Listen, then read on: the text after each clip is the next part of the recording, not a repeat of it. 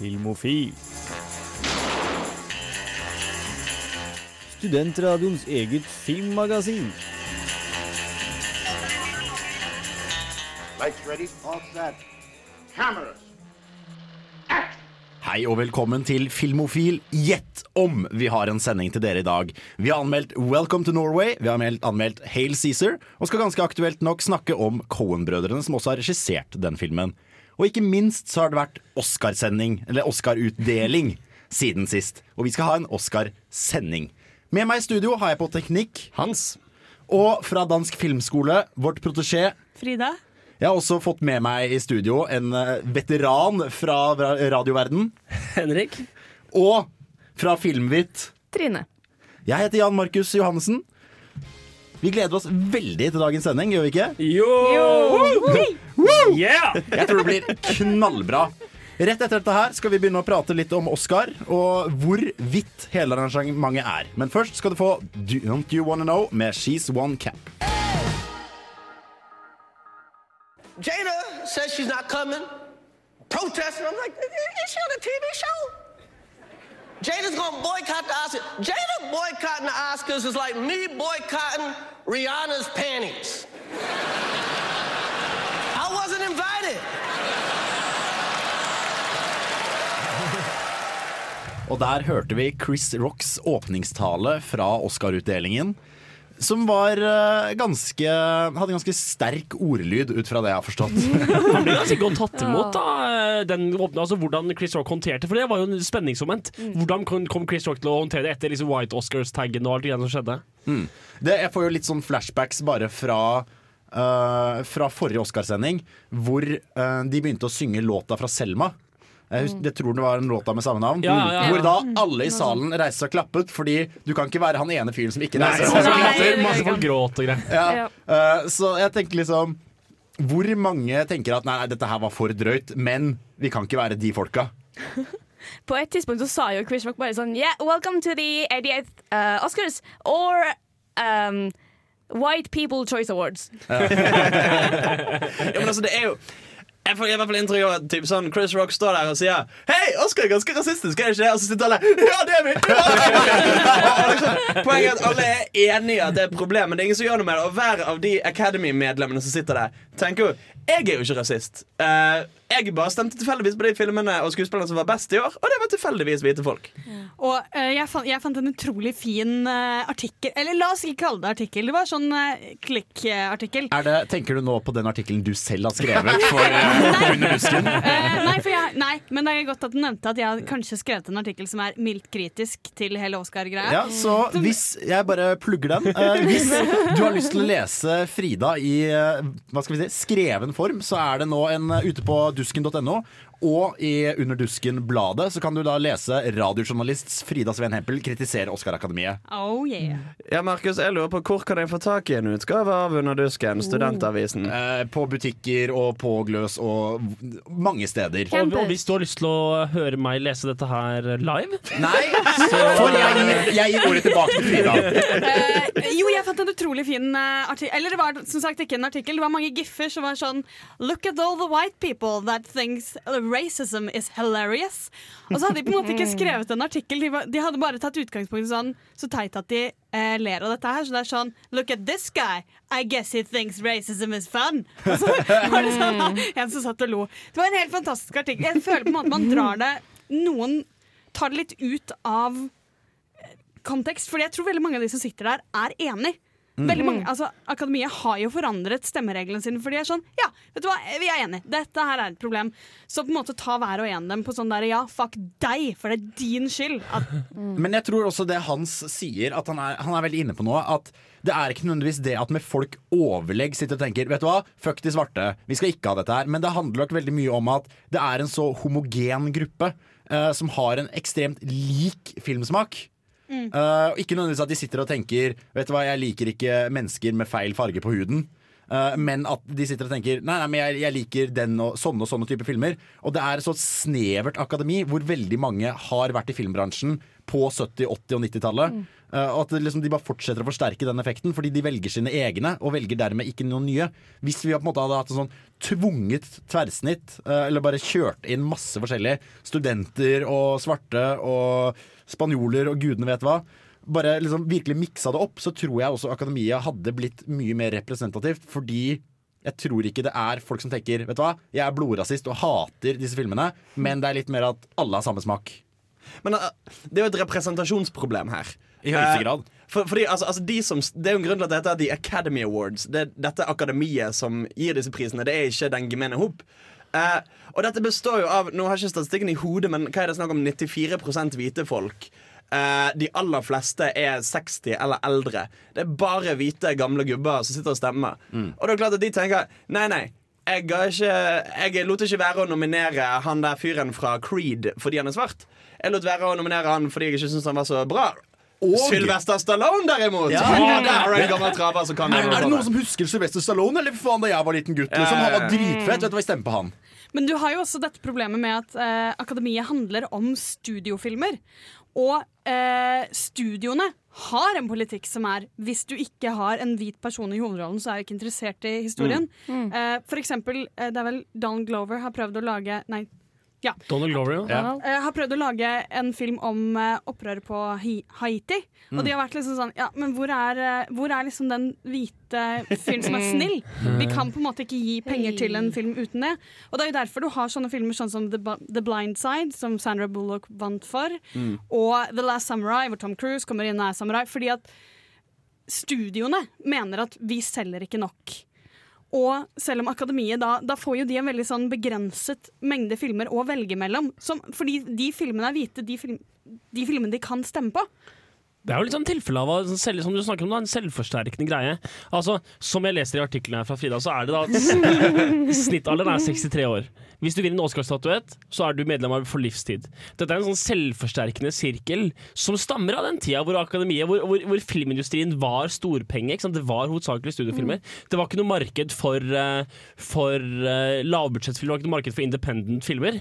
Og i og med at denne selvforsterkende eh, sirkelen som best- består i akademiet, så er det ikke rart at det de nå digger, at det de, de identifiserer seg med, at det de velger å se på av nominasjonsfilmene, er de filmene som de kjenner til, som de forstår seg på. Og som du sier, Frida, så er det ikke nødvendigvis det at akademiet er slemme, men veldig mye at studioene uh, Hva skal vi si, Studioene promoterer ikke filmer med ikke-hvite karakterer i hovedrollene. Det er, jeg så en statistikk på det hvor det er basically sånn de få filmene som ikke har hvite hovedroller, får nesten ikke noe markedsføring i det hele tatt. Uh, med mindre Will Smith. For han er sånn derre Han er, han er Han er bare loves love hvit. Han er kinderegg. Men um, Å, jeg hadde et lurt poeng. Jeg hadde, jo, faktum er at de tar jo feil, studiene, studiene, når de nekter å markedsføre eh, filmer med folk av andre etnisiteter i hovedrollene.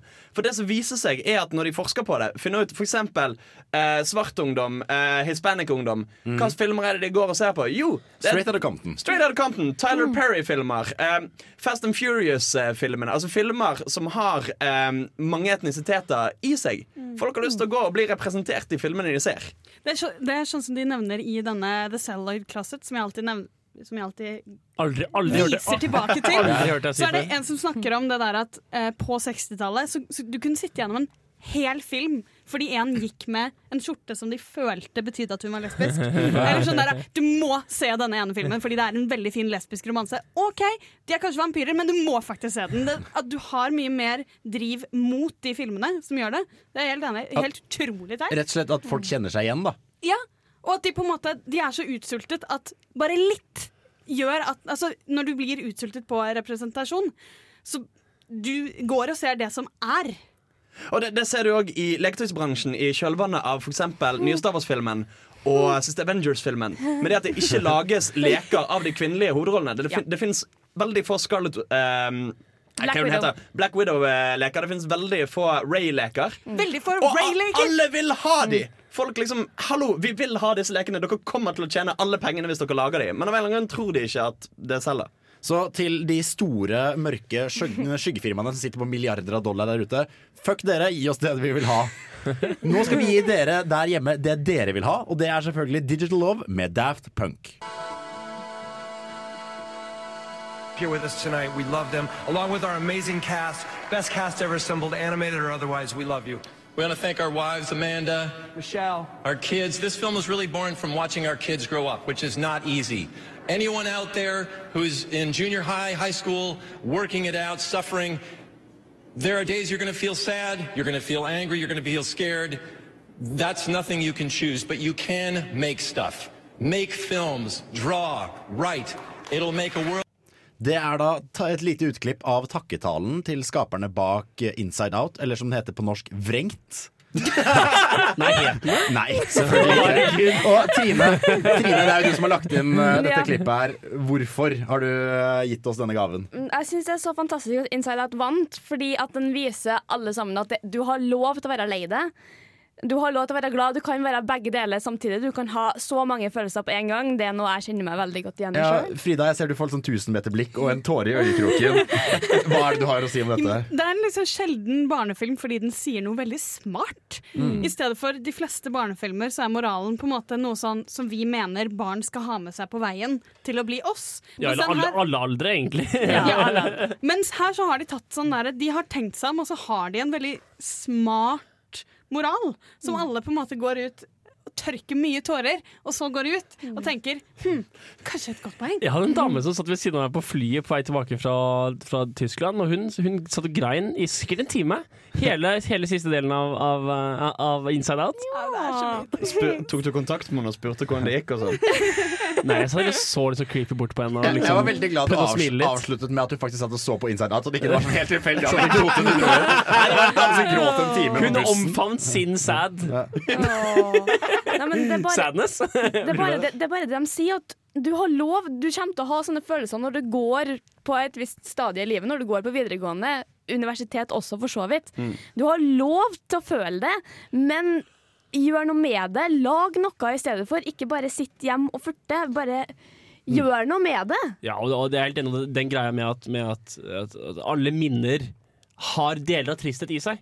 Og, og, og, det, må, det må bare, Hvis vi skal liksom fortrenge det og ikke akseptere den tristheten som er en selvfølgelig del av alle minner, så ender det opp med en veldig sånn konflikt. Så jeg er veldig enig i det du sier, at det er vel ikke, ikke, ikke bare lov, men det er helt nødvendig og helt naturlig. Mm, Så en veldig verdig vinner av beste animasjonsfilm, rett og slett. Men vi må jo selvfølgelig anerkjenne bjørnen i rommet.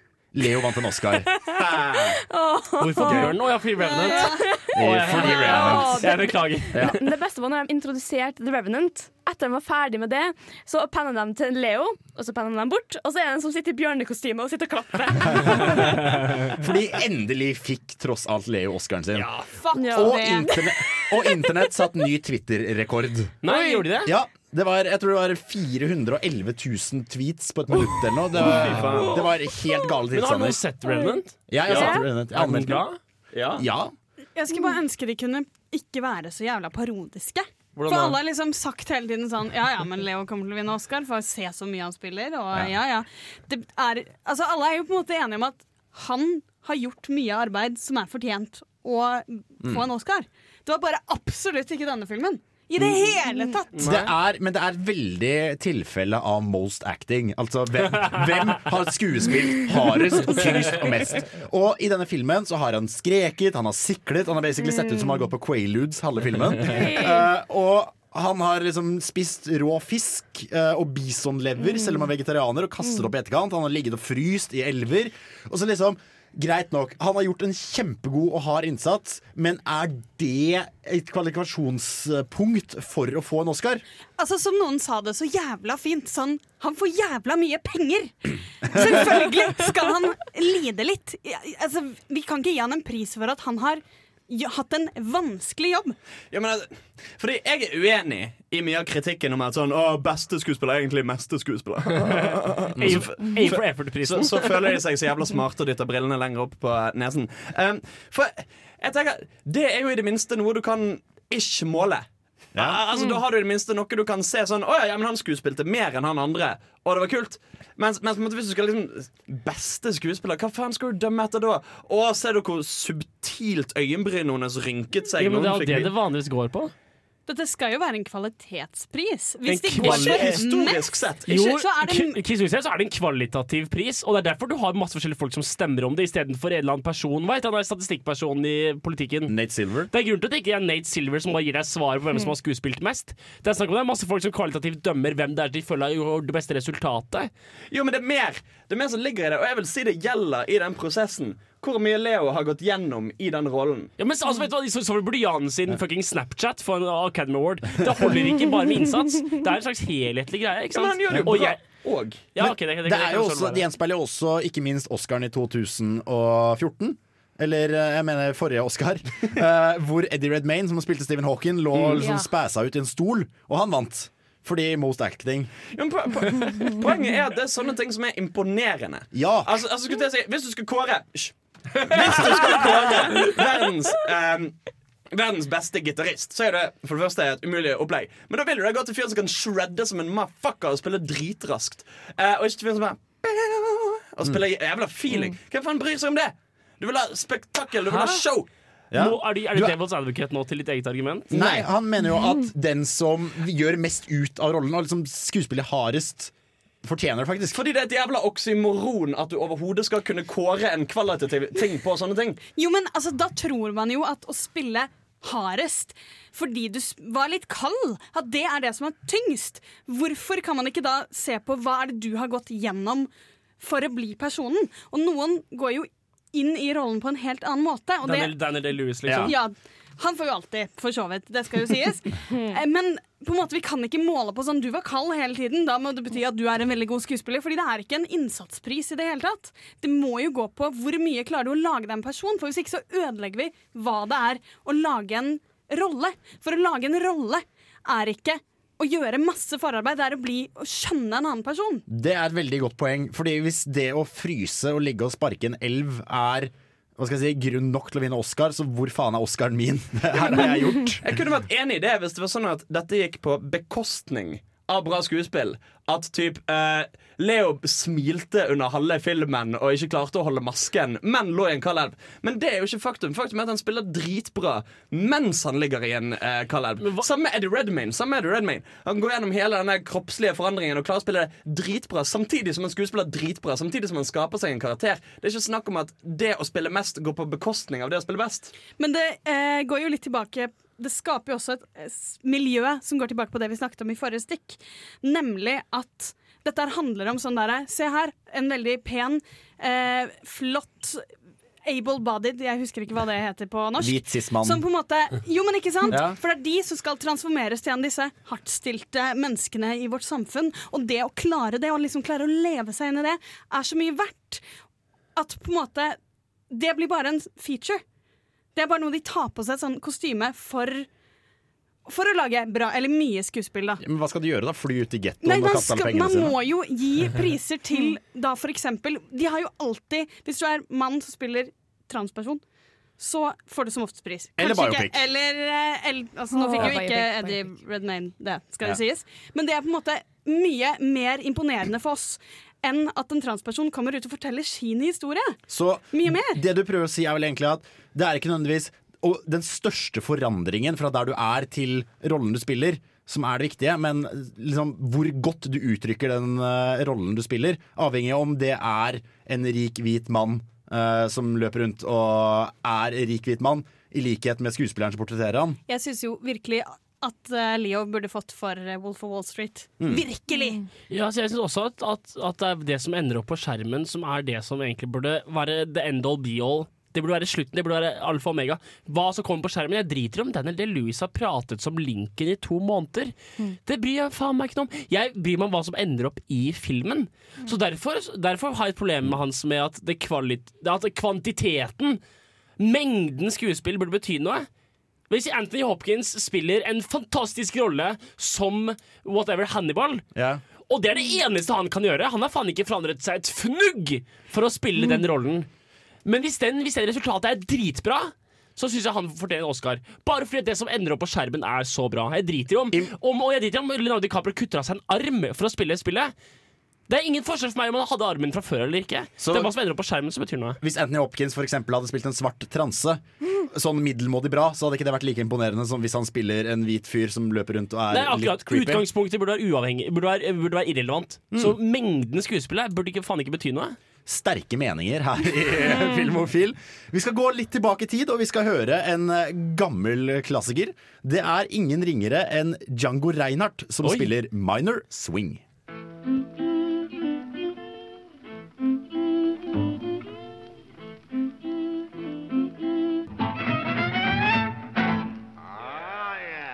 I'd like to thank our director, Lenny Abrahamson, who is absolutely incredible, Emma Donahue, who created this world, Jacob Tremblay, my, my partner through this in every way possible, my real partner, Alex Greenwald. I love you, the whole thing, to my parents, my agent, my manager, Chris Pioto. Thank you to everyone who participated in Room. Thank you to all of you who saw it. Thank you to the fans. Thank you to the moviegoers. Thank you for going to the theater and seeing our films. I appreciate it. Thank you. Og det var da Bree Larson som eh, vant Oscar for beste kvinnelige hovedrolle i Room. eh, som jeg også faktisk var og så nå på kino. Veldig fortjent, egentlig. Men Hva, selv om hva har det filmen for noe? Det er basically uh, Fritzel the Movie. hvor da folk er fanget inne i et rom, og så kommer det en sånn creepy hvit fyr med pedobriller Yeah. Oh. og gir dem mat og har, har dem låst inne, rett og slett. Og det er en thriller, da. Nei, det er drama, for det fokuserer veldig mye på de inne i rommet. Og hvordan du holder ut en sånn eksistens. Yep. Og også en kid som er da født og oppvokst i det rommet. Han har aldri sett utverden. Wow. Uh, og det er også han kiden han stjeler hele showet. Han, Åh, det er det beste barneskuespillet jeg har sett. Og jeg, jeg fikk morsinstinkt. Jeg ville ta med denne kiden hjem, gi han kake og si at det skal aldri skje noe galt med deg igjen. Rett og slett. Klim, eggstokkene mine brant. Jacob Tremblay er så flink, og han var et av høydepunktene mine med Oscaren. For at på et tidspunkt så tok de ut C3PO, Autodeto og BB8. Og han hoppa opp i stolen og bare Han er det søteste som finnes! Vi må bare satse på at han ikke begynner med kokain og blir sånn ruinert barnestjerne. Da. Så kanskje det er, eh, Det kanskje det er håp. Brie, Bree Larsen takka Jon. Ja, for innsatsen. Ja, han er kjempeflink. Ja, men han, han er jo Jeg vil si at han er nesten større hovedrolle i den filmen enn Ja. Brie Larson.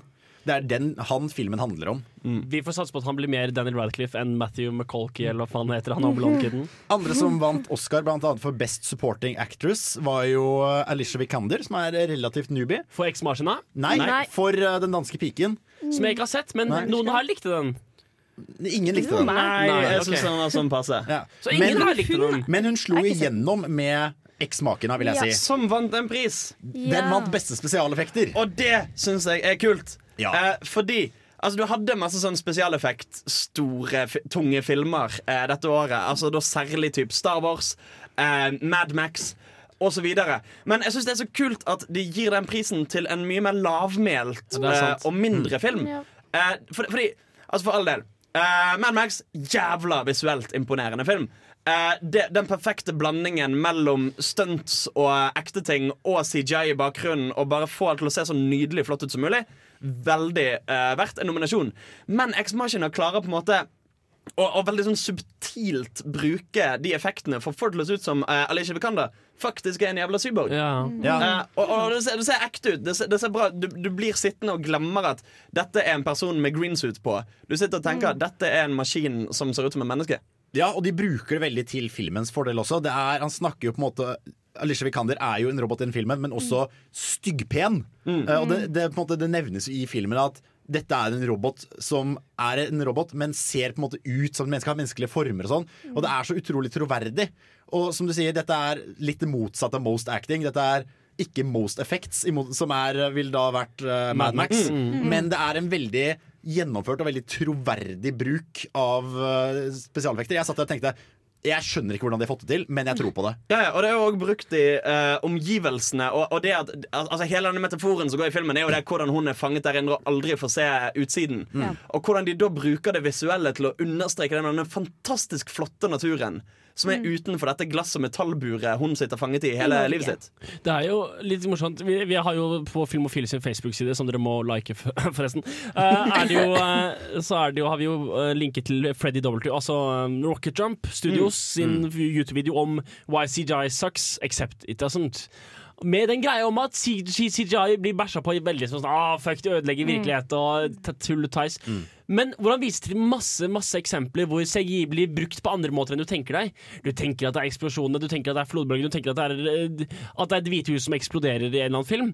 Men så ofte så brukes det bare for å skape litt immersion. Bare for å fylle ut et, et, et scenery på litt. Eller bare for litt sånn Så blir vi for eksempel tatt, tatt gjennom Gone Girl, og masse av de scenene som du ikke tenker å være CGI i hodet, er det. Ja, og det han også beskriver, er jo det at på en måte at, at den må gi seg med dette veldig polariserende uh, synet på at det, kun det ene er Ja. riktig, kun eh, praktiske effekter er viktige. Ja. Men at selv i Mad Max, som ble jo hyllet for at det var så mye praktiske effekter, så har de brukt mye CGI for å få det til å flyte sammen. Ja. Og sette sammen praktiske biter til å bli en helhet som er en blanding. Hvor, og hvor passende er det ikke at en film som egentlig handler om eh, teknologien som en onde, virkelig får til å bruke faktisk Ja, digitale det er effekter til bare helt fantastisk. Jeg tenkte det var en morsom liten ting. Hans, Hans, hva er egentlig det Mad Max gjør som ikke er spesialeffekter? Hva kalte du det for? Eh, Praktiske effekter. Hva er det for noe, egentlig? Drittmye. Ja, ja, altså, altså typ, uh, f- f- Så godt som alle stunts i filmen er jo gjort av folk. Altså typ Når um, Tom Hardy ligger og dingler utenfor døren uh, med hodet fem centimeter fra bakken i en bil som kjører i 80 km i timen, så dinglet han faktisk eh, fem centimeter fra bakken i en bil som kjørte i 80 km i timen. Riktignok med noen stålvaiere som holdt han fast, som de har klippet ut. Og så er det jo også litt sånn der greie med at, at, at et, eh, biler som eksploderer Der er det faktisk biler som er i ild i virkeligheten. Ja, ja, og de så lagde lagt alle bilene. Ja. Og de kjørte i den hastigheten de gjør i. Og de leide inn eh, Cirque du Soleil-utøvere for å For å gjøre mange av stuntene. Og Australias beste motorsyklister, stuntmotorsyklister, som hoppet faktisk foran en eh, sånn semitrailer i fart. Mens han brant. Mens den brant, ja. Og for alle som nå ble veldig lei seg for stakkars Mad Max, som har gjort noe så utrolig bra Mad Max vant jo alle andre prisene. Mad Max fikk så mye priser. har klipping, sound editing eh, eh, produksjonsdesign. og alle sounds jeg syns Star Wars kunne ha vunnet én. I alle fall. Eh, og kostyme og produksjonsdesign, så den har på en måte fått veldig mye for sånn ja, bra gjort. Det er liksom det, det er det tekniske. Det er det første Star Wars-filmen fikk bare sånn Her, her, ta det tekniske, ikke ta noe annet. Ta det tekniske. Vant Star Wars noen ting? Ikke Force Awakens, nei. Er Nei, men det, det er vel kanskje ikke så overraskende heller. det kunne- Det er kunne ha vunnet sound, i alle fall. da det Og den kunne jo på en måte fått uh, score, men så fikk en jo Morricone den, og det var var, fortjent. så Ja, pent. Og skal det jo sies at Star Wars, i min min mening, det Star Wars gjorde bra, var at den gjorde det gamle om igjen på en god måte. Mm. Så det var ikke så veldig mye innovative ting, og det er kanskje ikke så rart den ikke vant nå Oscar. Ennio Morricone vant jo, men var det litt sånn fordi det var på tide? Eller? Nei, Det var en jævla kul det score. var så flott. Hvilken var det for? Hans, du, du går jo musikkvitenskap, så du kan dette. Ennio Morricone har en så jævla enestående evne til å bruke instrumenter på en måte ingen andre filmkomponister gjør. Bruker liksom en fiolin som pauke? Ja, eller? nei, men, nei, men, altså, Eh, nei, men, men, men altså, altså, altså John Williams skriver fantastisk fint, for all del. Mm. Men det er veldig han skriver så fint som du kan innenfor den sjangeren. Mens Ennio Morricone bare sånn Nei, vi åpner med melodi spilt av fagott. Det gjør vi jo, for det er kult. Og det funker så jævla bra, men det er ingen andre som tenker på å gjøre sånne ting. Han eksperimenterer med forskjellige eh, instrumenter. Og mye av bakgrunnen hans er jo rett og slett det med å lage scores til westernfilmer med bare OK, vi har en kassegitar og en fiolin. Hva gjør vi? Eh, det med å bruke det du har, så kreativt som mulig. Og det blir dritkult. Så, for han har jo heller ikke vunnet Oscar før. Nei. Men det var faen meg på tide. Han har vunnet honorary Oscar. Ja. Så nå, nå har han vunnet en ordentlig en også. Ja. Alt du mangler nå, er uh, Roger Deakins vinner en for cinematografi. Så kan jeg dø lykkelig. Vi skal gå litt tilbake til uh, kalde, frosne Bygde-Norge, mm, hvor jeg skal anmelde Welcome to Norway. Men før det så skal vi høre The Heart of Me av Mike Snow.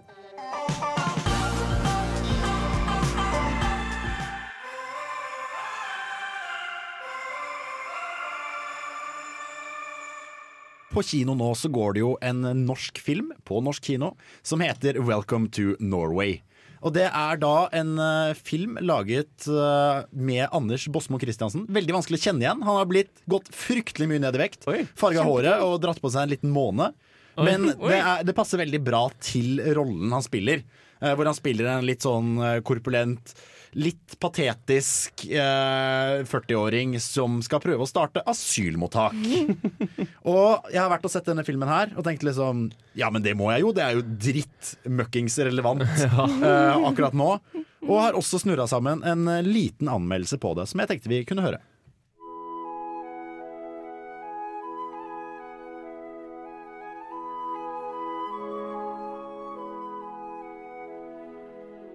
Velkommen til Norge, der de blåøyde budeiene går i bunad mellom snøkledde fjelltopper, roper på kyrne sine og gjør seg fortjent til odelsretten. Vi har dype fjorder og høye fjell. Et land med finslipt dugnadsånd, roser i kinnet og et flaggende barnetog. Et kongerike der folk som har gått livets harde skole, kan kalle leger fra Syria for svartinger og sette fyr på asylmottak. Hvor flyktninger er en inntektskilde og ikke personer. De er et problem som må løses, ikke individer. Ja, vi elsker dette landet, og gud forby at svartinga skal forandre det.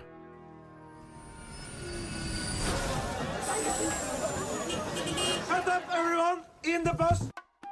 Welcome to Norway er en dagsaktuell film som omhandler flyktninger og asylsøkere i Norge, og det å drive asylmottak. Filmen kommer faktisk på et så passelig tidspunkt at man skulle mistenke at det var en exploitation-film, men det fremstår det heldigvis ikke som. Spørsmålet da er om det er en god film, som stolt kan stå på sine to norske filmproduksjonsbein. Og jo da, filmen er grei nok den. Stort sett er ikke inntrykket jeg sitter igjen med at wow, dette var en knallfilm, men heller at huh, her kunne de virkelig tråkket i salaten, men det gjorde de heldigvis ikke. Hindu, hindu, hindu, hindu. Det er noen buddhister òg, ikke sant? Skulle du puttet de mellom hindu og sunni, så blir det en slags buffer. I Welcome to Norway møter vi protagonisten Primus, spilt av nesten ugjenkjennelig Anders Bosmo Christiansen. Han er familiefar med mange økonomiske bommerter under beltet, og har funnet ut at han skal gjøre det ruinerte sommerhotellet sitt til asylmottak. Dette gjør han selvfølgelig kun for pengene. Naturligvis byr dette på en del utfordringer, som kanskje ikke er overraskende med tanke på at familien så vidt klarer å ta vare på seg selv. Å ha ansvaret for 49 asylsøkere i tillegg blir derfor en nesten umulig ambisjon. Og midt oppi denne håpløse tristessen finner vi også det meste av humoren. Welcome to this beautiful refugee camp. You have to clean and fix your own rooms. Stort sett er nesten alle nordmenn vi møter i filmen, ganske uspiselige. Kåte kommunebibliotekarer, kyniske politimenn, rasistiske bygdefolk og nærmest apatisk kone spilt av Henriette Stensrup, som på prinsipp nekter å bidra med noen ting fordi hun mener statens asylpolitikk er feilslått. Det er litt som om filmen vil peke en finger på mennesker man kan le av, men også be oss ta en kikk i speilet før vi kritiserer de som kommer til Norge. Dårlig anlegg. Det er ikke dimensjonert for at hele jævla Afrika skal varme seg på det. Welcome to Norway tar aldri de helt store oppgjørene. Det nøyer seg med å si at selv om det kan være utfordringer med å ta inn flyktninger i landet, er de mennesker med håp, drømmer og følelser, de også. Kanskje ikke et revolusjonerende standpunkt, men filmen uttrykker det i hvert fall på en god måte. Denne filmen kommer nok ikke til å bli noen enorm prisvinner, eller bryte mange barrierer, men det er en grei film med et godt budskap, og jeg vil anbefale å se den. Få med deg din mest rasistiske tante eller onkel på kino, så kanskje de får et bitte litt mer nyansert syn på verden etterpå. Det er i hvert fall lov å håpe.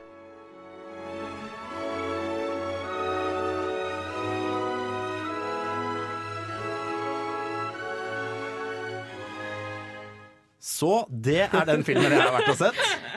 Uh, det, var, det som også er gøy, er jo at uh, han uh, motparten som spiller med Anders Båsmo Christiansen, som jeg ikke husker navnet på akkurat nå, har også vært eh, Han kom til Norge som eh, asylsøker da han var seks. Så han har veldig Han har veldig den kjensla i kroppen, liksom.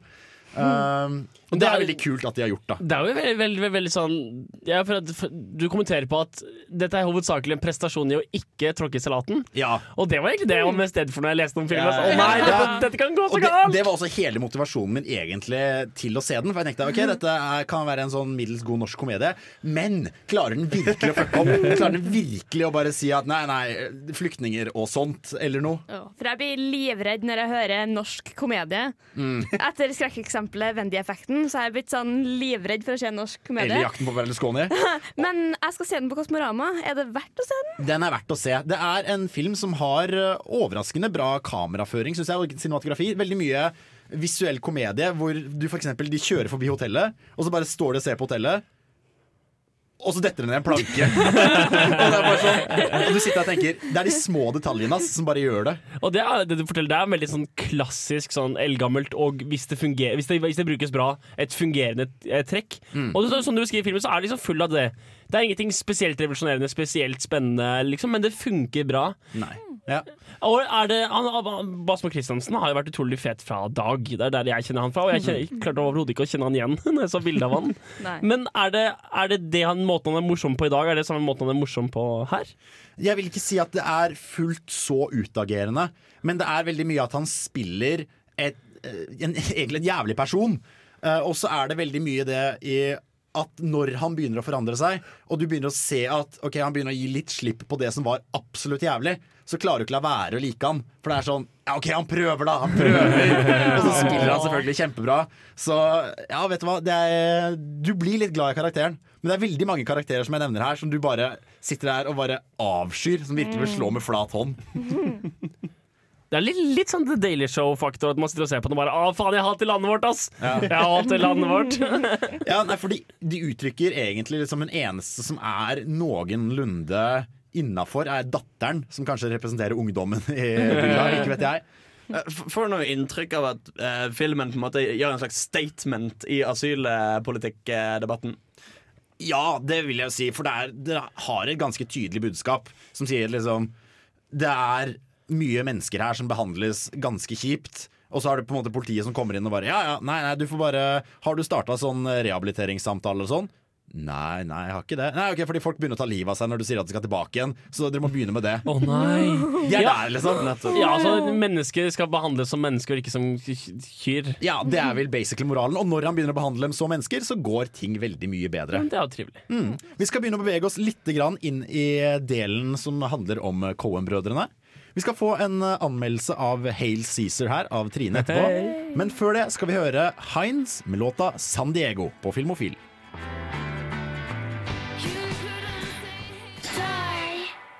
Cohen-brødrene har jo laget fryktelig mye bra, og nå har de laget én film til. Trine står i stil med resten. Ja, de har laget en film som heter Hail Cæsar. Som eh, ja, trenger ikke å snakke så mye om hva den handler om, fordi det kommer en anmeldelse straks. Ja.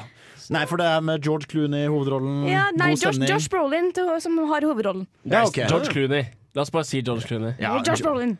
Eller Josh Brolin. La oss høre anmeldelsen, og så hører vi hva som faktisk skjer. Bless me, Father, for I have sinned. How long since your last confession, my son? 27 hours. It's really too often. You're not that bad. Hail Cæsar er Cohen-brødrenes nyeste film. Den finner sted i 50-tallets Hollywood. Med gode skuespillerprestasjoner, fantastisk dialog og nydelig cinematografi tar den deg tilbake til gullalderen til Hollywood og klarer virkelig å engasjere dem av oss som er spesielt filminteressert. Here at Capitol Pictures, as you know, millions of people look to us for information and uplift and, yes, entertainment. And we're going to give it to them. And action. An army of technicians and actors and top-notch artistic people are working hard to bring to the screen our biggest release of the year. Hail Caesar is a prestige picture with one of the biggest stars in the world, Baird Whitlock. Historien følger Josh Brolin sin karakter, som er sjef over et Hollywood-studio. Vi følger han gjennom den hektiske hverdagen for en i hans stilling. Den handler også om en film inni en annen film. Hail Cæsar er en av filmene som lages på dette studio. Og vi får se hvor mange av fortidas problemer som går igjen i dagens Hollywood. Cohen-brødrene får nok en gang en kidnapping inn i filmen deres. Og George Clooney sin karakter som en stor filmstjerne er den heldige utvalgte. Som vanlig er det ikke alt som går etter planen, men for å finne ut hva som går galt, da må du nok se filmen sjøl. Uh, Mr. Mannix, What's up? the director can't find Baird Whitlock. Somebody slipped it under my door. We have your movie star. Gather $100,000 and await instructions. Who are we? The future. Channing Tatum spiller en dansende og syngende skuespiller som jeg virkelig syns er et av høydepunktene i filmen. Alden Ehrenreich gjør også en god rolle som en westernskuespiller som settes litt utafor sitt element. Skuespillerprestasjonene er altså veldig gode, noe som er å forvente i en Cohen-film. Vi får også flere cameos fra store skuespillere som gjør det morsomt å følge med i filmen. Would that it were so simple. Would that it were so simple. My dear boy, why do you say that? Why do you say twere? Well, you should say it like I said it. Yes. Would that it were so simple. Would that it were so simple. Would that it were so simple.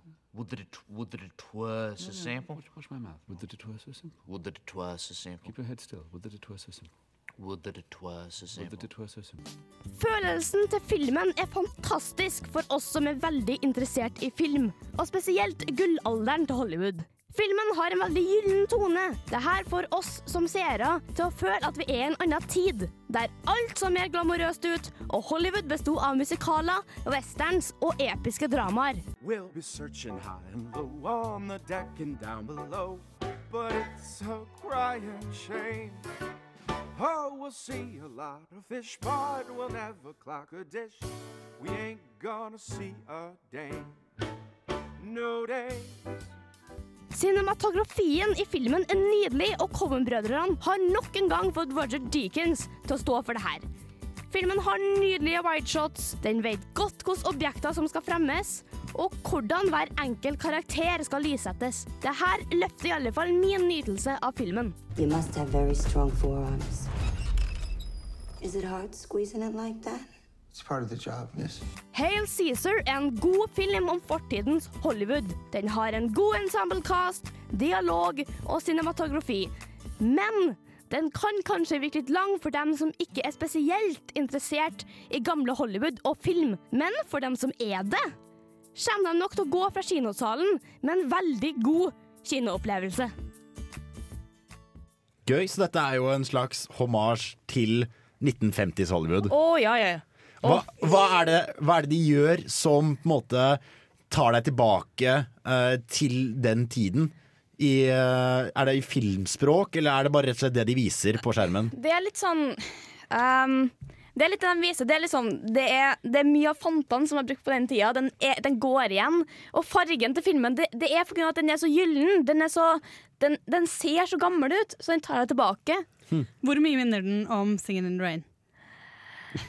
Sånn stilmessig. Er spesifikt spørsmål. Utrolig spesifikt. Ja, for det er, jo, det er jo som du nevner, det er jo en film inni en film, Ja, det- som er veldig akkurat det, det, man på tenker en på. måte det du beskriver eh, som du likte med den, den der, det er gyllent, og du på en måte får den der Yay, dette her er nesten som å se på gamle filmer, bare at de ikke er så langsomme.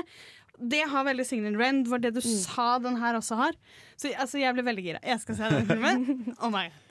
Ja, nei, em, jeg lurer på em, Sånne filmer som handler om folk som lager filmer, Ja. ender jo ofte opp med å bli veldig metatekstuelle. Sånn eh, når de snakker om noe, så bare sånn Å ja, vi vet hva du egentlig snakker om når du snakker om denne filmen. Ikke det?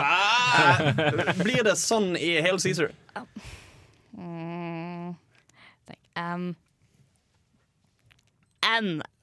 Altså, Er det- altså, altså, men altså, hvis det ikke plaget deg, Trine Nei, la jo så, ikke- skulle man tro, at- så, så, det- skulle man tro at det var nok immersion, at det var bra nok laget til at man ikke blir tatt ut av det. Men, altså, for eksempel Birdman, da, som en sammenligning, så er det veldig tydelig at når de da snakker om em, for eksempel hun kritikeren der og hele det her sånn Og alt som skal til for å imponere folk, er et eneste stort spetakkel. Og så gjør filmen det òg, på en måte, og det virker som et sånn preemptivt angrep på kritikerne til filmen. Så blir det veldig sånn Veldig meta, da. På en måte. Blir veldig, veldig wink, wink. Ja. Det, som, det, som, det som ender opp med å bli veldig meta, det går jo en, det, det er en forteller Mm. over hele filmen. Okay. Som Cohen eh, gjorde i The Big Lebowski. Ish. Ja, fordi de har jo kanskje mye mer eh, hva skal du si, verktøyene til å klare en sånn film. Ja. De er jo Ja. mye bedre på å være sånn sjarmerende med oss når de er sånn Nå skal Mm. vi snakke litt om eh, nå, nå skal vi mobbe denne her veldig spesifikke tingen litt. Og de klarer å gjøre det på en måte hvor man er sånn Ja, jeg er litt teit. Det, det, var, det var liksom ikke helt sånn wink, wink, hei, hei, hei, det her og det her og det her. Det var liksom bare Her, her er 50-tallets Hollywood. Ja. Og hvis ikke du liker det, gå hjem. Ja. Så, men har den noe for folk som ikke er eh, filmvitere? Jo da, det, det har jo for så vidt det, men jeg tror kanskje den kan, den kan bli mye mer langsommere. Mm. Siden jeg har, jeg har fått litt innblikk i hvordan det er, siden jeg har liksom Jeg er veldig glad i den æraen av Hollywood. Ja. Og- så jeg syns det er kjempemorsomt å følge med. Så for de som kan legge merke til de små detaljene og på en måte de små hintene og marge og Det, det løfter bare nytelsen av filmen. Da. Jeg tror Ja. jo fortsatt folk som ikke er sånn kjempeinteressert, kommer til å like den. Mm. Men de som er spesielt interessert, får det liksom et hakk høyere, da. Ja. Nice. Vi skal komme til uh, ukas hjemmelekse, Big Lebowski, som du snakket om senere. Men før det skal vi høre en uh, låt fra en annen Coen-film som heter Inside Lewin Davis. Den heter 500 Miles. Og Henrik, den er du som har lagt inn. Det er Frida Svenempel som ikke Hun, hun skled av stolen når hun kom på at hun skulle, skulle finne fram denne låten. Så da måtte jeg finne fram en Inside Louis Davis-låt, en, film, en Cohen-film drevet av utrolig koselig musikk. Mm. Som dere skal få høre her på Filmofil.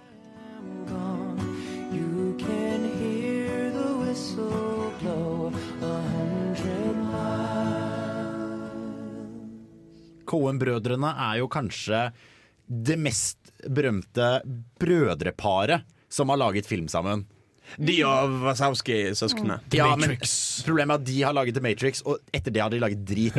Ja. Nei, Cloud Atlas. Ka jeg skulle si det. Atlas. Cloud Atlas. Jeg likte ikke filmen, men det var i hvert fall noe nytt. Og I så fall er det noe i veien med deg. Nå, Ja. jeg, jeg likte det heller ikke. Som betyr at, det er ikke noe i veien med Men Marian. den diskursen kan vi ha senere. For nå skal vi snakke om Cohen-brødrene og deres filmografi, og hva det er som gjør det spesielt. At de har så mange filmer som er så bra, er spesielt med Cohen-brødrene. Ferdig med det. OK, ne ne neste uke så har vi Jo, men det er liksom De har den derre sånn Å, skal vi prøve å lage en cowboyfilm av dere? Og så gjør de det, og så er det kjempebra. Og så på en måte De har så veldig sine trekk. Sånn sin, sin humor, sin um, På en måte litt sånn sin type karakterer. Ja. Som de putter inn i masse forskjellige typer filmer, og så bare funker det så bra. Ja, for de er rett og slett bare jævlig flinke. Mm. De er drittgode. og Du vet på en måte alltid at hvis det kommer en Cohen-film, så skal du gå og se den, fordi den er garantert bra. De har ikke laget noe som er dritt. Når, du, når, noen- når, når, når, når noen skal forklare deg eh, hvem Coen-brødrene er, så begynner de å ramse opp filmer. Og så er det sånn Å, jeg lagde de den! Å, jeg lagde de den! Og det er liksom alle de filmene som du har sett, og du husker liksom ikke helt filmen, men du husker følelsen. Du husker at den var veldig spesiell. Den hadde noe helt spesielt som festet seg. Og det er disse Coen-filmene. Det er filmer som har noe helt spesielt. Og det er så tydelig at de vet akkurat Ja. hva det er de holder på med. Mm. De vet akkurat sånn OK, vi skal lage den typen scene, da gjør vi det sånn. Og det funka jævlig bra alltid. Altså for, for eksempel når de skulle lage um, den der uh, No Country for Old Men.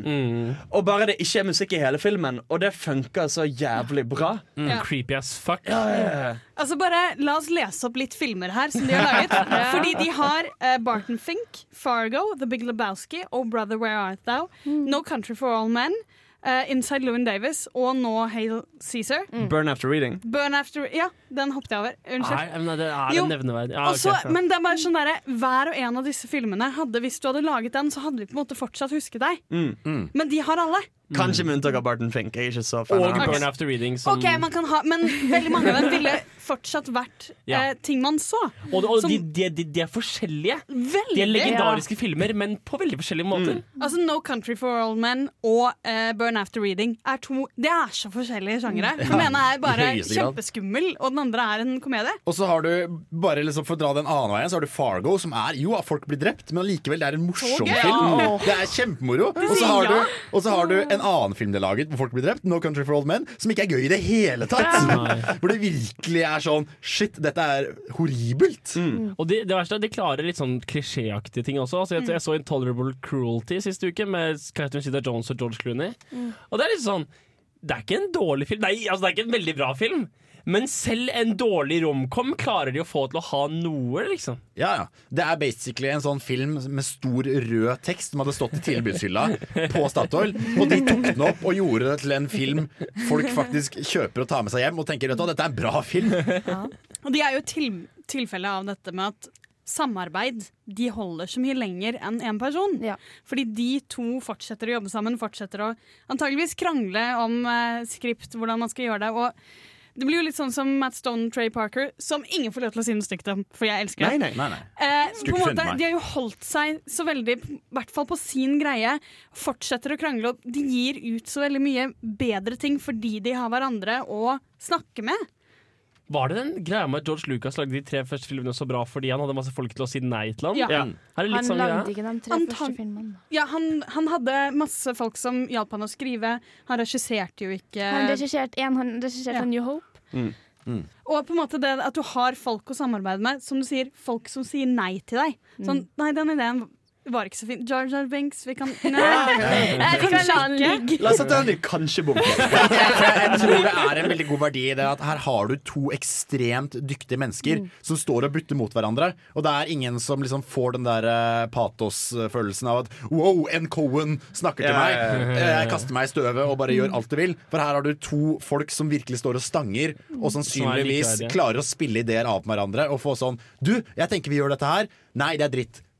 Når du sier det, så ja. Okay. Jeg hørte, hørt nettopp på et intervju med George Clooney på Jimmy Kimmel. Mm. Han sa jo det at det er ikke en skuespiller som er rett i hodet, som sier nei til Cohen. Mm. Ja. Han bare jeg, jeg, jeg trenger ikke å se skript engang. Jeg sier ja fordi det er en Cohen-film. Det var jo det som skjedde med Bill Murray. Eh, Da han tok til å spille Garfield i den horrible Garfield-filmen fordi han, regissøren der heter Joel Cohen. Og han trodde at det var den ene av Cohen-brødrene. Så bare Yes! Jeg er Men, med! men du sier jo ikke nei til Cohen. Nei, nei. Jeg lurer på, Er det litt samme greia med Nolan? For han har jo en bror som er medprodusent på en del av filmene. Men han kunne trengt at noen sa nei. Ja. Han, I- i I. Interstellar så burde han hatt en fyr Ja. som sier nei. Og i Batman uh, The Dark Knight Rises har han en fyr som burde ha sagt nei. Ja, burde ha det. Eh, Så uh, skal, vi, skal vi gå så langt som å si at det, en av de tingene som kanskje kommer ut av Cohen, at de er brødre at de jobber sammen, er en viss sånn tightness. De er Mm. veldig bevisste, veldig reflekterte, som Hans nevnte. Og det kan være noe av det. De er veldig tighte, og de er, veldig sånn, de er flinke til å si nei. Og så, uh, det skal sies eh, Denne eh, Inside Loon Davis, den har de laget Den handler jo om eh, en, en fra en duo, heter Ja. det. Som nettopp har mistet partneren sin. Og den har de sagt at den har de skrevet for det er sånn de antar at det hadde gått hvis en av dem hadde mistet hverandre. Så det, det gjør det, litt tilbake på det vi snakket om tidligere Så virker det som Coen-brødrene har så jævla kontroll over uttrykket i filmene sine. At du har for eksempel um, altså, ta, ta, for- ta for eksempel uh, Birdman, som er jo en film lagd av flinke folk og teknisk imponerende, Mm, men det du sitter igjen med, er at de ikke helt klarer å styre hva filmen skal bety. Uh, eller hvilket inntrykk du skal få av filmen. Mens uh, Coen-brødrene klarer det så veldig fint. Altså, Mm. altså fordi um, for å si sånn, Fargo kunne jo vært en kjempedeprimerende kjip film, Ja, ja. men de vet så godt hva de holder på med, så de klarer å få det til å bli en feel good-komedie. Og sånn sett vil jeg sammenligne de med et annet regissørpar. Eh, Hvem da, Hans? nemlig eh, Nå har du glemt det! Ja, det skjedde! Takk Gud! Han, han ene og Miller. Eh, George Miller. Fordi de gjør jo akkurat det. De får drittprosjekt kastet på seg, og så klarer de å forme det til magi fordi de vet så jævla godt hva de holder på med. De får Lego rigger de bare sånn Du, lag en film, tjen alle pengene i verden. Og de bare Ja, OK, vi kunne gjort dette på en halvtime. Vi gjør det skikkelig og lager en av årets beste filmer. Vi skal snakke om en sånn slags stoner exploitation som de fikk kastet på seg, eh, og klarte å gjøre til noe helt eget. De fleste kjenner jo kanskje til kultfilmen The Big Lebowski, som er da ukas hjemmelekse på Filmofil. Men før vi snakker om den, skal du få Golden Gal med Animal Collective.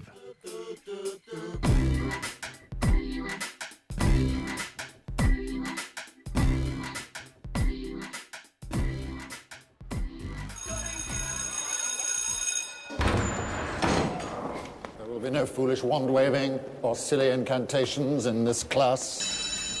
No, okay, that's it for the day then. Today, we have a similar debate over this. Anyone know what this is, class? Anyone? Anyone? Anyone seen this before? Ukens hjemmelekse. Ukens hjemmelekse er kanskje en av de mest siterte filmene opp igjennom noensinne. Som i Kjemman til Beiten. Ja. Og that's like your opinion, man. Jeg trodde det var så snappy! Shut the fuck up, Donny. Ja. Jo, men jeg trodde det var så snappy når han sa det, for du har bare lest det. Mm. Og folk bruker det som sånn derre fuck deg. Ja. Men det er jo egentlig verdens dårligste comeback. Ja, I filmen ja, ja. så er det sånn Yeah, I'm gonna kill you guys. Well, that's just like your Det er opinion, man. Antiklimatisk som Ja. faen. Eh, men han, the dude, Mm. framstilles når vi snakker om han som så kul. Ja. Og hele filmen handler om sånn Han Han ha, suger. ja, han suger. ja, ja, ja. Alle kommer og mener noe om hva han skal gjøre. Han er sånn Å, den veien? Greit, greit. Han, han har ingen redeeming qualities. Han bare kastes rundt. Han plasseres jo faktisk midt i plottet. Uh, uten å spo Jo, vi har lov til å spoile, men han plasseres jo midt i plottet rett og slett fordi han er udugelig. De vil bare ha en sånn uh, hva heter det, scapegoat. Syndebukk. De vil bare ha en syndebukk som de bare kan skylde på når ting går til helvete. Alt han vil ha, er teppet sitt og litt rettferdighet. Men, men Og han, hasj. han er jo elendig på en sånn veldig sympatisk måte. Ja. Han vil ikke noe vondt. Nei, nei, det er nettopp det. Han bare, han bare chiller og har lyst til å røyke weed og henge rundt i slåbrok. Og Han liksom er chille. dude. Men så er det en fyr som kommer og pisser på teppene, så må du liksom Men det er veldig et interessant tilfelle av en litt sånn blank slate hovedkarakter, hvor masse bikarakterer får muligheten til å utfolde seg. Mm. Og det er jo også det alle sitatene omtrent i filmen, unntatt da That's Just Your Opinion, er jo sitater av andre folk. Ja. Fordi den filmen er drevet av så mye episke, kule Ja, side- med- sidekarakterer. Hva heter John Goodman, John Goodman Steve og Steve Buscemi, Buscemi og Peter Stormare. Ja. Steve Buscemi gjør vel ikke så veldig mye. Han bare er kjip. Han- Ingen Ja. bryr seg om han. Han er, det er sånn han- er jo essensiell for den, den bowlingtrioen. Ja, ja, ja, ja, ja. Og det er rett og slett bare en så forbanna morsom film. Hvor du liksom, bare du nevner det med Steve Buscemi, så merker jeg at jeg begynner å le. For jeg tenker på hvor de skal begrave han Hvor han er kremert, og så skal de kaste asken på havet. Og så flyr det tilbake, og så treffer det i ansiktet. Og det er bare Hele filmen den slutter aldri å levere. Og den er bare både verbalt og visuelt ekstremt underholdende. Og han har jo sånn, veldig sånn hvordan han kødder med formatet. Altså sånn, eh, det er hva det heter, Sam Elliot, som er uh, voiceoveren i filmen. Og så plutselig på et tidspunkt så sitter han i baren ved siden av The Dude. Liksom bare sånn, ja, nei, så hvordan går det? Å, nei, nei, nei, det går fint. Og så, og så går det Dude, og så snur han seg til kameraet igjen så bare sånn Ja, der har du The Dude. Ja, for han tenkte jeg så mye på. Sånn, jeg har gått og tenkt så mye på Big Lebowski av han. Sånn Mm. derre, Hva mente de med det? Han snudde seg liksom plutselig og snakket til oss. Betyr det at dette her er et eventyr? Betyr dette at dette så de har på en måte De klarer vel den der å være en tullete film som du fortsatt ikke helt klarer å legge fra deg. Er dere kjent med uttrykket nerdsniping? Det er sånn XKCD-greie med at hvis man, liksom, hvis man ser en eller annen sånn universitetsnerd på vei over gata en fysikknerd, for eksempel, så holder du opp et sånt stort fysikkspørsmål på et plakat, og så stopper nerden midt i gata bare Hva hvis Men Og så blir han overkjørt. Det er nerdsniping. På samme måte så har da Kornbrød nå fått Frida til å bare Oi, hva betyr det? Hva betyr det? Hva? Men jeg forstår ikke. Er det ikke Men mens de. De, de, har- de, har de sendt deg, de har sendt deg i gulvet uten å prøve engang. Nei, men det, men det, det er fint altså, altså Bare i slutten så liksom snur eh, Sam Elliot seg mot kameraet liksom bare sånn The dude abides. Og bare I don't know about you, but I take comfort in that. Hva betyr det? Er. Folk som han trives og har det fint. Og det, det er jo en god følelse. Av ja. det er, det er ikke altså, Vi, vi snakket om No Country for Old Men. Det er en film også litt sånn derre Livet er kjipt, og livet er jævlig og ubetydelig, og ingen gir faen i hvordan du har det, liksom. Og på en merkelig måte så er også Big Lebowski litt der. Disse folka har sine små liv, sine små utydelige liv, men til slutten så bare Det, det funker. Mm. Og det skal vi snakke om mer etter denne låta, som faktisk er fra The Big Lebowski. Det er da Kenny Rogers med den litt psykedeliske Just Dropped In.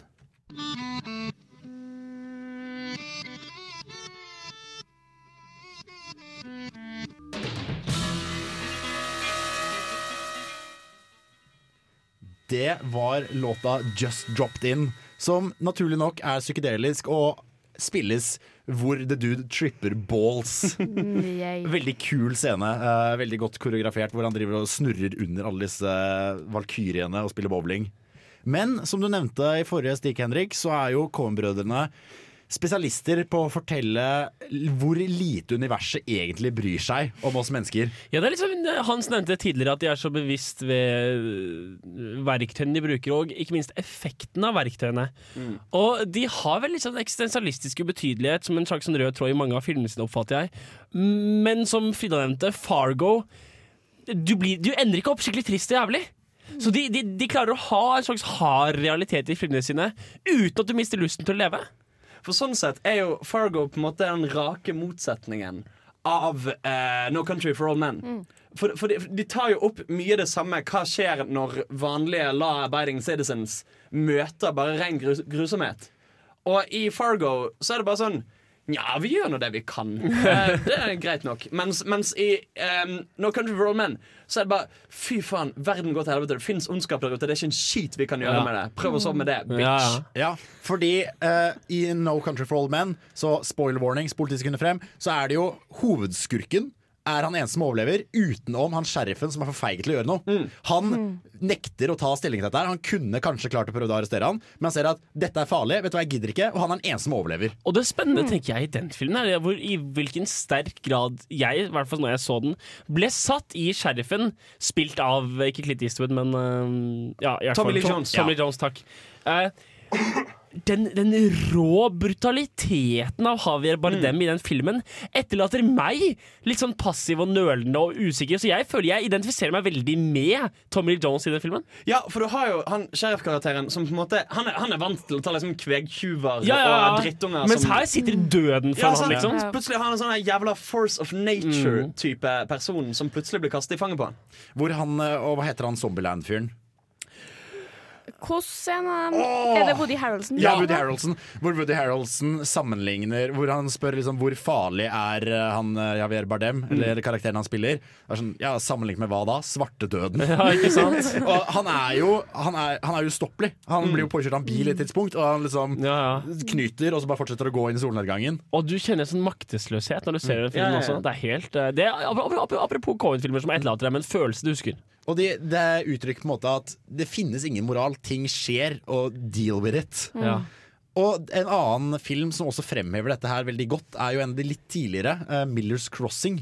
Har, er- har ikke sett. Nei, det er kanskje ikke den mest kjente Coen-filmen. Litt tidlig, men der handler det basically om en uh, fyr som er litt sånn low uh, mafia, og går han går skytteltrafikk mellom to forskjellige liksom En italiensk mafia og en sånn typisk sånn Boston-mafia.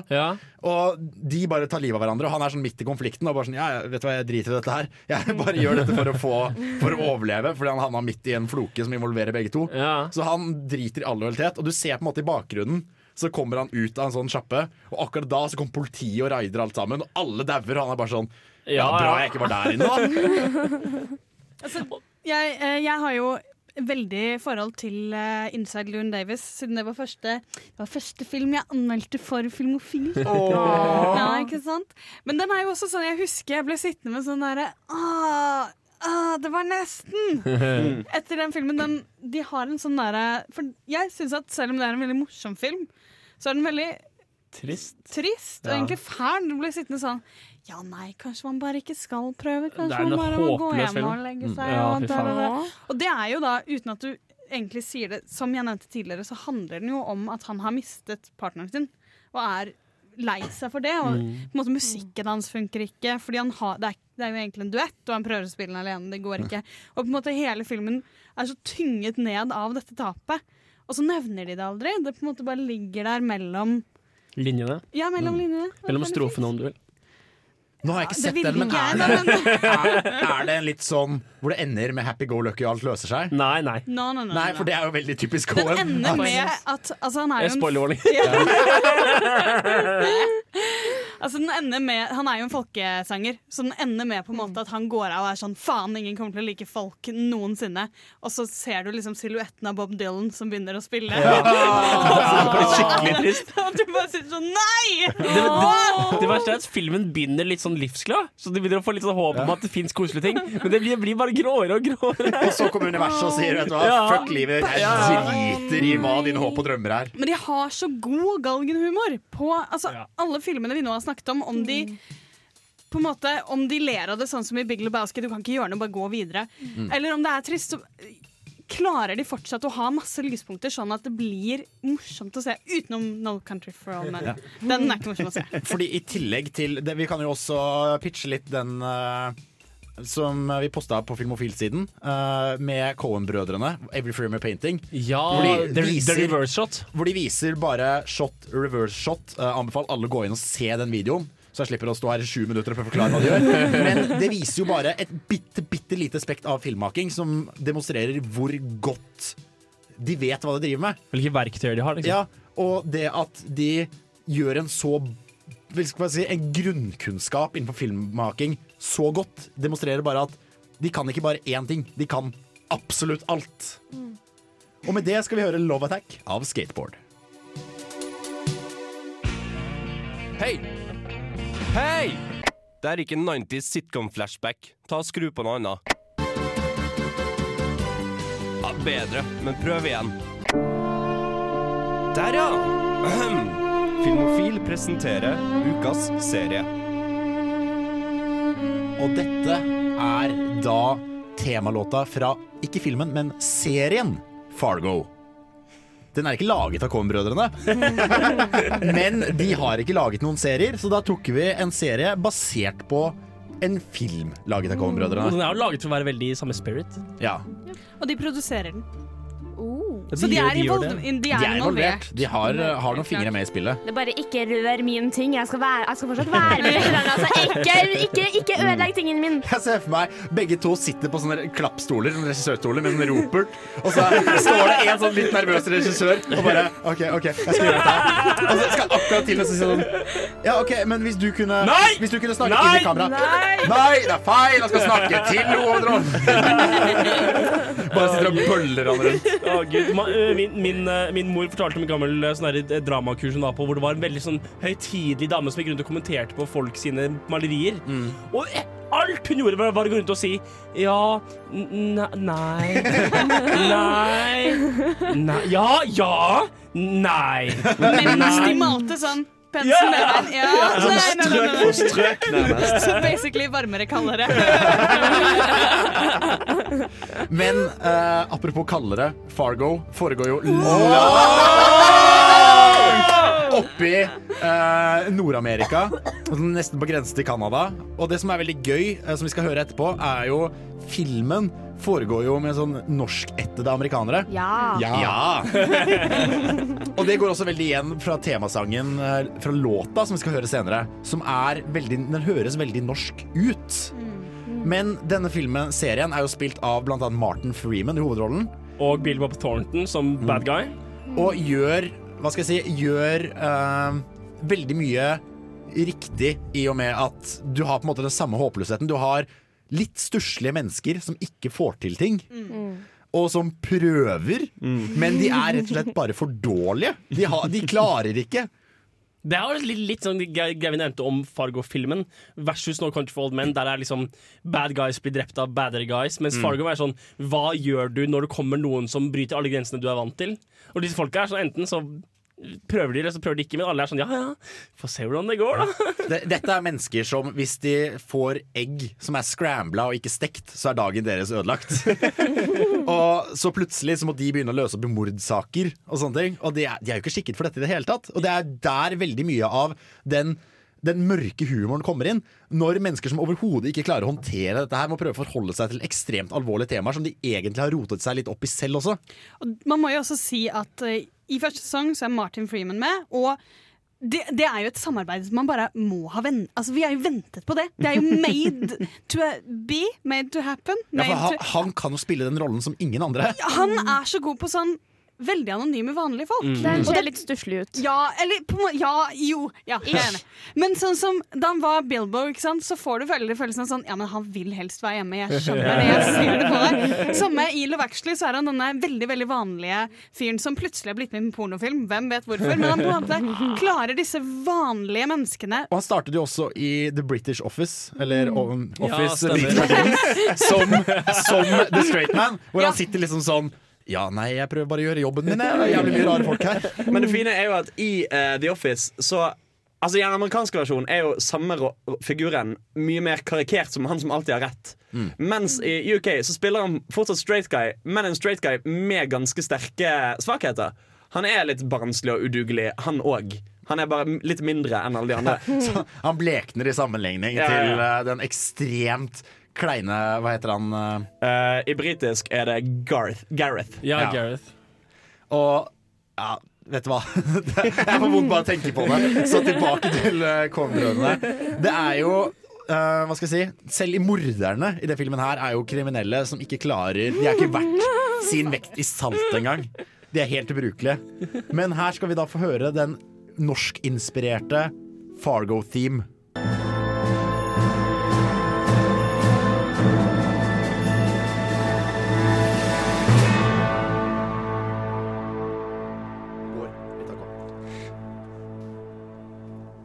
Play it once, Sam. Det er jo alltid å ha musikk når den er påtent. Helst noe indisk eller pakistansk. Ukas filmlåt. Og vi skal få mer musikk fra Cohen-filmene. Og det er en film vi faktisk ikke har nevnt i løpet av denne sendingen. Og det er Oh Brother Where Art Thou. Jeg visste den reaksjonen kom til å komme, fordi Fy faen, for en film! Er det egentlig, Hva er det du sa, Frida? Det er egentlig Odyssevs? Ja, det er Ja, Od- Odyssey. Odysseen Oh, ja. av Homer. Det er noe annet. Ja. Men det, nei, det er historien om Ja. Ja, ok. Ja. Eh, så Hvor de da liksom møter en kyklop, spilt av John Goodman, som er en sånn Ja, høy, uh, litt gæren Kjempe. fyr med ett øye. Og hvor dette er, De følger da George Clooney og to andre random hillbillies som stikker av fra en chain gang nede i Deep South. Og soundtracket i denne filmen er helt oh, fantastisk. det er det. Ja. Det handler jo mye om at de spiller inn en eh, De later som de er fire folk, fordi han som spiller inn låta er blind og gir dem betalt per person studio. Um, og de spiller da inn en låt som plutselig blir kjempepopulær. Og så benådes de da uh, fordi folk digger musikken deres av en sånn uh, den minst rasistiske ordføreren. Jeg så den, jeg så den for første gangen i går. Mm. Å, fy faen, den er herlig! Hva var det du likte med den? Jeg likte, jeg likte følelsen filmen gir. Ja. Jeg likte Manuset er kjempebra, selv om det var et par ganger jeg ikke forsto helt hva de sa. Fordi det er sørstatlig Ja, dialektting. Men bare George Clooney var fantastisk. Mm. Og den filmen her førte jo basically en sånn liten revival, en liten gjenoppstandelse innenfor folk- og countrymiljøet i USA. Og det er jo en av de eh, filmene som har et soundtrack som står helt fint på egne bein. Mm. Uh, jeg hørte gjennom den platen mange ganger før Ja, jeg så filmen. Og det som er så gøy, er at de har klart å få til at vokalisten høres så ut som George Clooney. Ja, det- det når, når George. Clooney Mm. står og lipsynker til denne sangen her, så tenker jeg Så husker jeg så den filmen to ganger før jeg leste noe mer om det. Og var sånn ja, Er det han som synger? Jeg tror det er han som synger. Jeg, jeg vet hva, jeg tror det er George Clooney som synger. Og så viser det seg at det er ikke George Clooney som synger. Det er en ikke. Det er en ordentlig god country Folkartist? Ja. Og den mest kjente låta fra sangen er jo den låta de spiller inn og senere blir berømte for i filmen, og Mm. filmen ble berømt for i den virkelige verden. Som vi skal få høre her, det er Man of Constant Sorrow med, som det heter i filmen, Soggy Bottom Boys.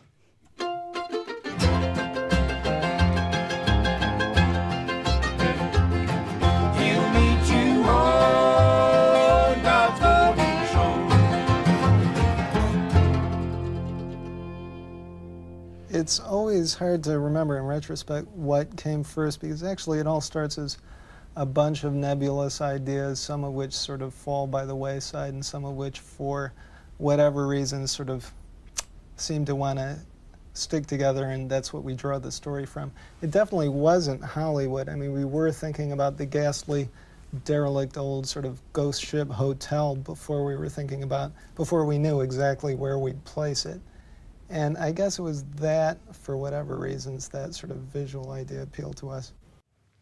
Og det, før vi hørte Cohen snakke her om hvor ideer kommer fra, så hørte vi da Dan Tyminski, som han heter, han eh, vokalisten som sang for George Clooney. Og det var jo ikke faktisk eh, musikk Det, er ikke samme versjon som vi hørte, hørte under filmen, men det er en utrolig fin versjon. I høyeste grad. De spilte jo ut eh, De spilte jo en, eh, et album etter dette her, mm.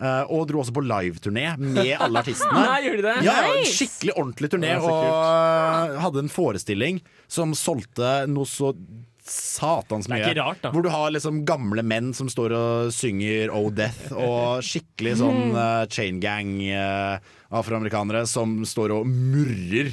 eh, sånn eh, gamle negro spirituals. Men ja, dette sitatet, Cohen-stil. Ja, Cohen-stil. Hva er det som gjør Cohen til Cohen? Og Vi har snakket mye om det. Det er kvaliteten, det er kjennskapen til eh, filmspråket, og bare hvor forferdelig dyktige det er. De sier det jo veldig tydelig her, um, at de på en måte tar inn alt de syns er gøy. Og jeg husker jeg leste en sånn, et skrivetips fra Chuck Palahniuk.